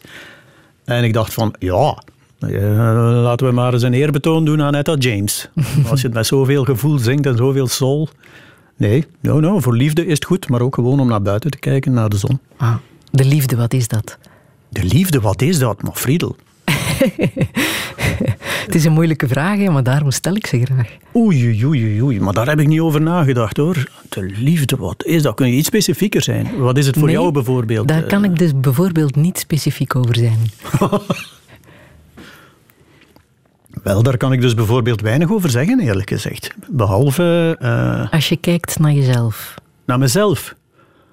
als jij liefde geeft, Dat, eh, dat, was, eh, dat evolueert met de tijd. Hè. Liefde gutst en gulpt eruit als je, als je nog jong bent. Gaandeweg zet zich dat om in eh, evenveel geven. Maar eh, een soort, dat zet zich om in een soort van geluk, in een soort van warmte in je, in je hart en in je lijf. En met ouder worden gaat dat, vertaalt zich dat nog, vertakt zich dat in allemaal kleine dingetjes. Dat is, maar ja, dat kan ik nog bevatten. Dus ik kan geen antwoord geven op jouw vraag, maar over die kleine dingetjes kan ik wel iets van zeggen. Fruit snijden voor elkaar, s ochtends. Eh, elkaar verrassen met van alles kleine briefjes laten liggen eh, als een van de twee vroeger vertrekt. Als ik naar Amerika vertrek, een paar briefjes onder het hoofdkussen verstoppen en zo, dat ik weet dat ze s'nachts, als ze zich omdraait, plots een geritsel zal horen. dat klinkt, ik moet opletten wat ik nu allemaal zeg, want ik wil niet uit mijn bed praten. Dat, dat, dat, eh, dat kan ik niet doen. En dan eh, elkaar voelen. De huid, de huid van elkaar. Dat is... eh, iedereen weet nu wat huidhonger is. Ik heb precies al maar meer honger met ouder worden. Mhm. Ja, kleine aanrakingen. Ehm, samen, samen door de stad wandelen en plots een hand voelen en ehm, weten dat, ja, dat het vertrouwd is. Hè. Ja, ik denk dat, eh, dat er eh, heel veel weggescheurd wordt als iemand eh, overlijdt, maar dat vaak dat soort dingen zijn dat je enorm mist. Want de grote gesprekken, uiteindelijk hebben we die toch al vaak gevoerd in vele varianten. Mhm. En, en al, de rest is, al de rest is privé en wordt alleen maar beter. Laat het mij zo zeggen. Is de liefde anders voor je vrouw dan voor je twee dochters? mijn liefde voor mijn vrouw en mijn liefde voor mijn twee dochters. Ja, mijn dochters zijn een stuk van mezelf. Eh, in lichamelijke zin. Genetisch. Die, die, eh, je zoekt daar altijd naar, naar, eh, naar dingen waarvan je denkt, oh ja, kijk, zie, dat komt van mij. En Ah, ja. dat komt van mijn vrouw. En zo van die dingen. Dat is anders, hè. dat is ook familie. Hè. Je hebt daar een bloedband mee. Hè. Mhm. Met, met, met, met, met mijn vrouw heb ik eigenlijk geen bloedband. Ik heb alleen een liefdesband. En het een is niet minder dan het ander. Hè. Er zijn mensen met wie ik een bloedband heb, die ik veel minder graag zie dan iemand wie ik een liefdesband heb, om maar iets te zeggen. Ja. Maar uw eigen, uw eigen dochters, eh, mijn kleindochter. Ja, dat voel je meteen. Hè. Dat, dit- is een gevoel.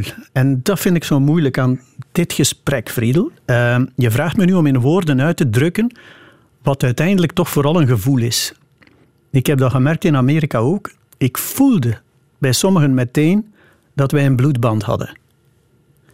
En ik dacht, waarschijnlijk gaat Friedel de Sage mij vragen, vertel eens hoe dat aanvoelt. En ik heb er zitten over nadenken onderweg van Oostende naar hier en ik ben er nog altijd niet uit. Dus ik kan er mij zo van afmaken. Het is, het is echt een gevoel. En meteen voel ik dan weer hoe ik tekort schiet in dat verhaal dat ik daarover maak. Want ik maak dat voor televisie.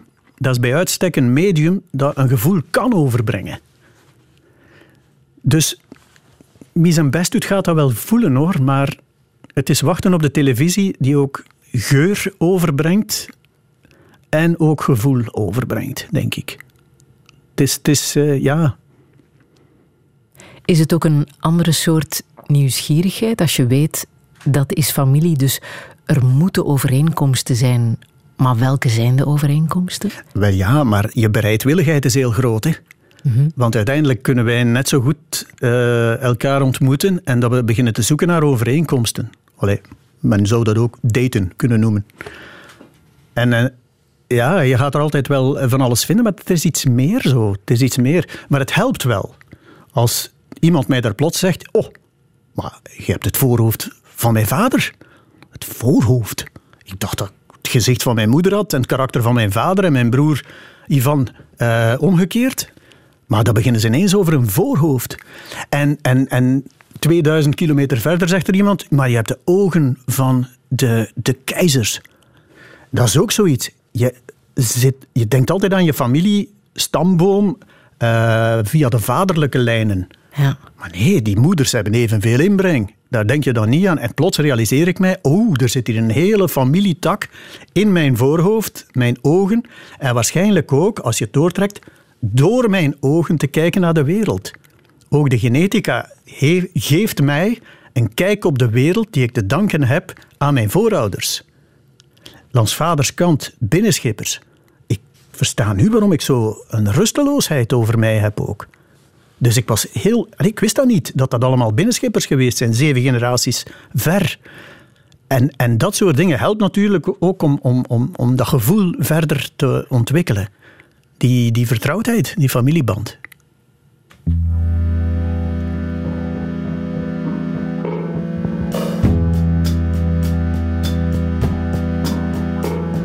On se promène comme tous les soirs. On se dit rien, on va de bar en bar. Ça rime à rien, comme tous les soirs. Suis seul avec toi. Austin, bonsoir. Spéliade allume la digue. Comme tous les soirs. Aux couleurs nostalgie. Aux couleurs désespoir. Peint les marées, le ciel et nos regards. Je suis seul avec toi. Austin, bonsoir.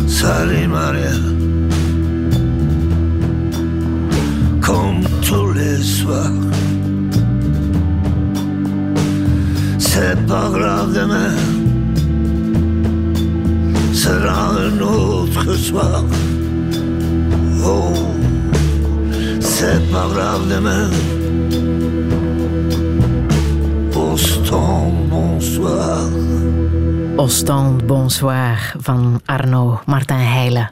Waarom wou je dit laten horen? Als hommage Aan Aan- Arno. aan Arno. eh, ik heb het geluk gehad van hem een klein beetje te leren kennen. En eh, aan Oostende ook. Maar toch ook aan Arno zijn broer, Peter. Die een eh, hele goede vriend geworden is sinds wij in Oostende wonen. Zijn vrouw Charlotte uiteraard ook.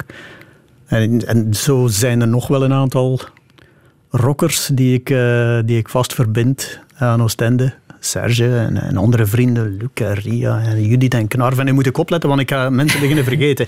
Eh, maar allez, heel Oostende, kom. Het is... ehm, ja, Arno is, is een eh, geweldige kerel. nog altijd in mijn hoofd. Hè. Die mens is niet dood. Ik heb ook een klein facetje van hem leren kennen. Dat, dat mensen misschien ook niet weten. Maar Arno vierde eigenlijk wel graag Oudjaarsavond. Ja. Ja, en we deden dat samen met een aantal vrienden. Daar in Oostende, waar, eh, waar Chris, mijn vrouw en ik eh, dan ook eh, in opgenomen werden.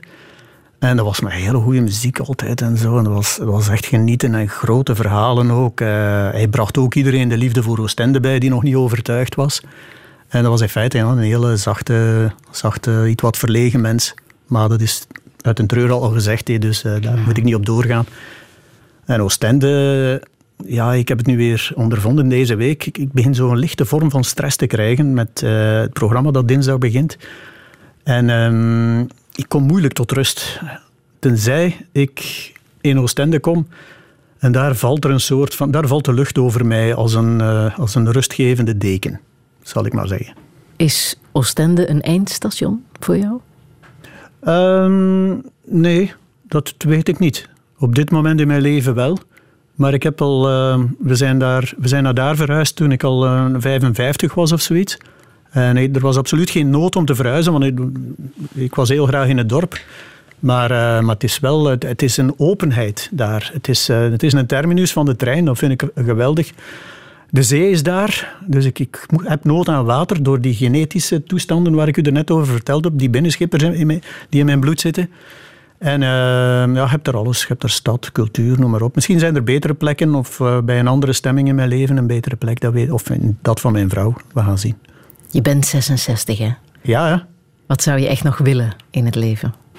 verder doen zoals ik, eh, wat ik nu doe. Dat wil zeggen dingen beleven en er mogen over vertellen. En hopen dan dat ik mensen ontroer en dat ik ze doe nadenken.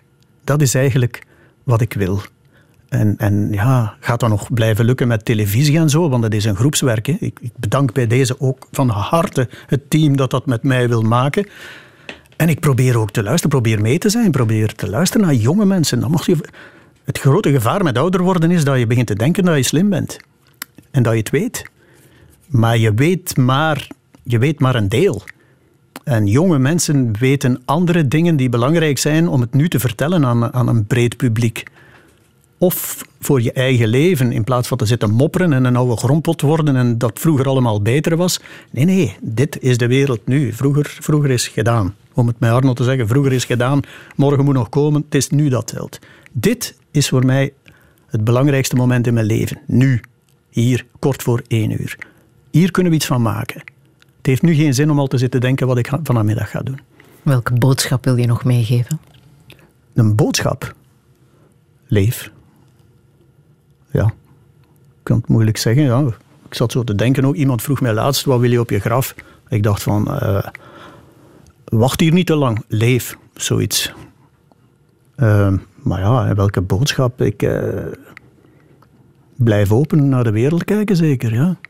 En zoek eens naar je eigen roots. Oh ja, ja, ja, ja, ja. Die eh, websites die er nu bestaan en waar je toch heel veel kan terugvinden. Dat, Ja, ja, ja. En het, is, eh, het loont echt de moeite. Het is, het is een ervaring. En ik denk, heel veel mensen kennen de naam niet van de broer of zus van hun grootouders, bijvoorbeeld.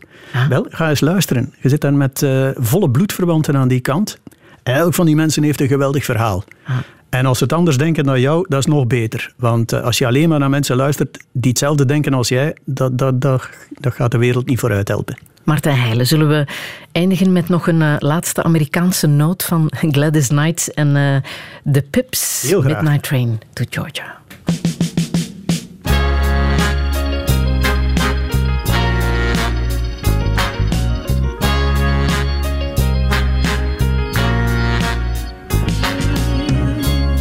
LA proved too much for the man.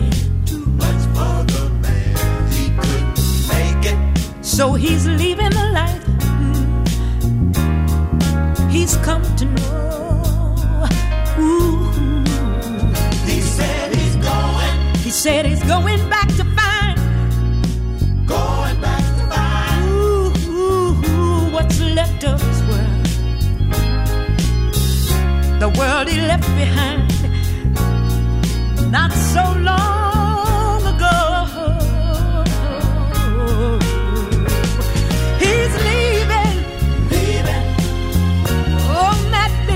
train to Georgia. The. Yeah, said he's going back, going back to a simpler place and time. Oh, yes, he is. Now be with him. Oh, I know you will. On that midnight train to Georgia.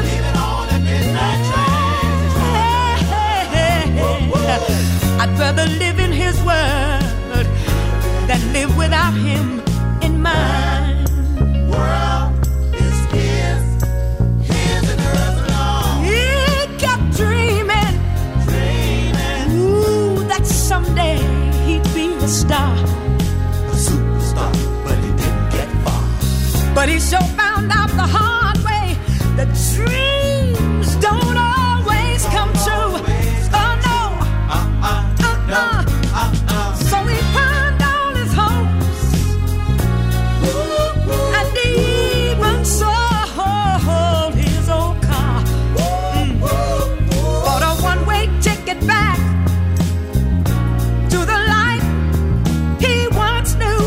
Midnight Train to Georgia van Gladys Knight en de Pips. Dankjewel, Martijn Heijlen. Doe de groeten aan jouw familie. Ik ga aan allemaal. Alle info staat na te lezen op onze website radio1.be. En volgende week komt bergbeklimster Sophie Leenaerts vertellen wat haar raakt in het leven. Nog een heel fijne zondag. Heb je iets gemist? Je kan Touché herbeluisteren in de app van VRT Max.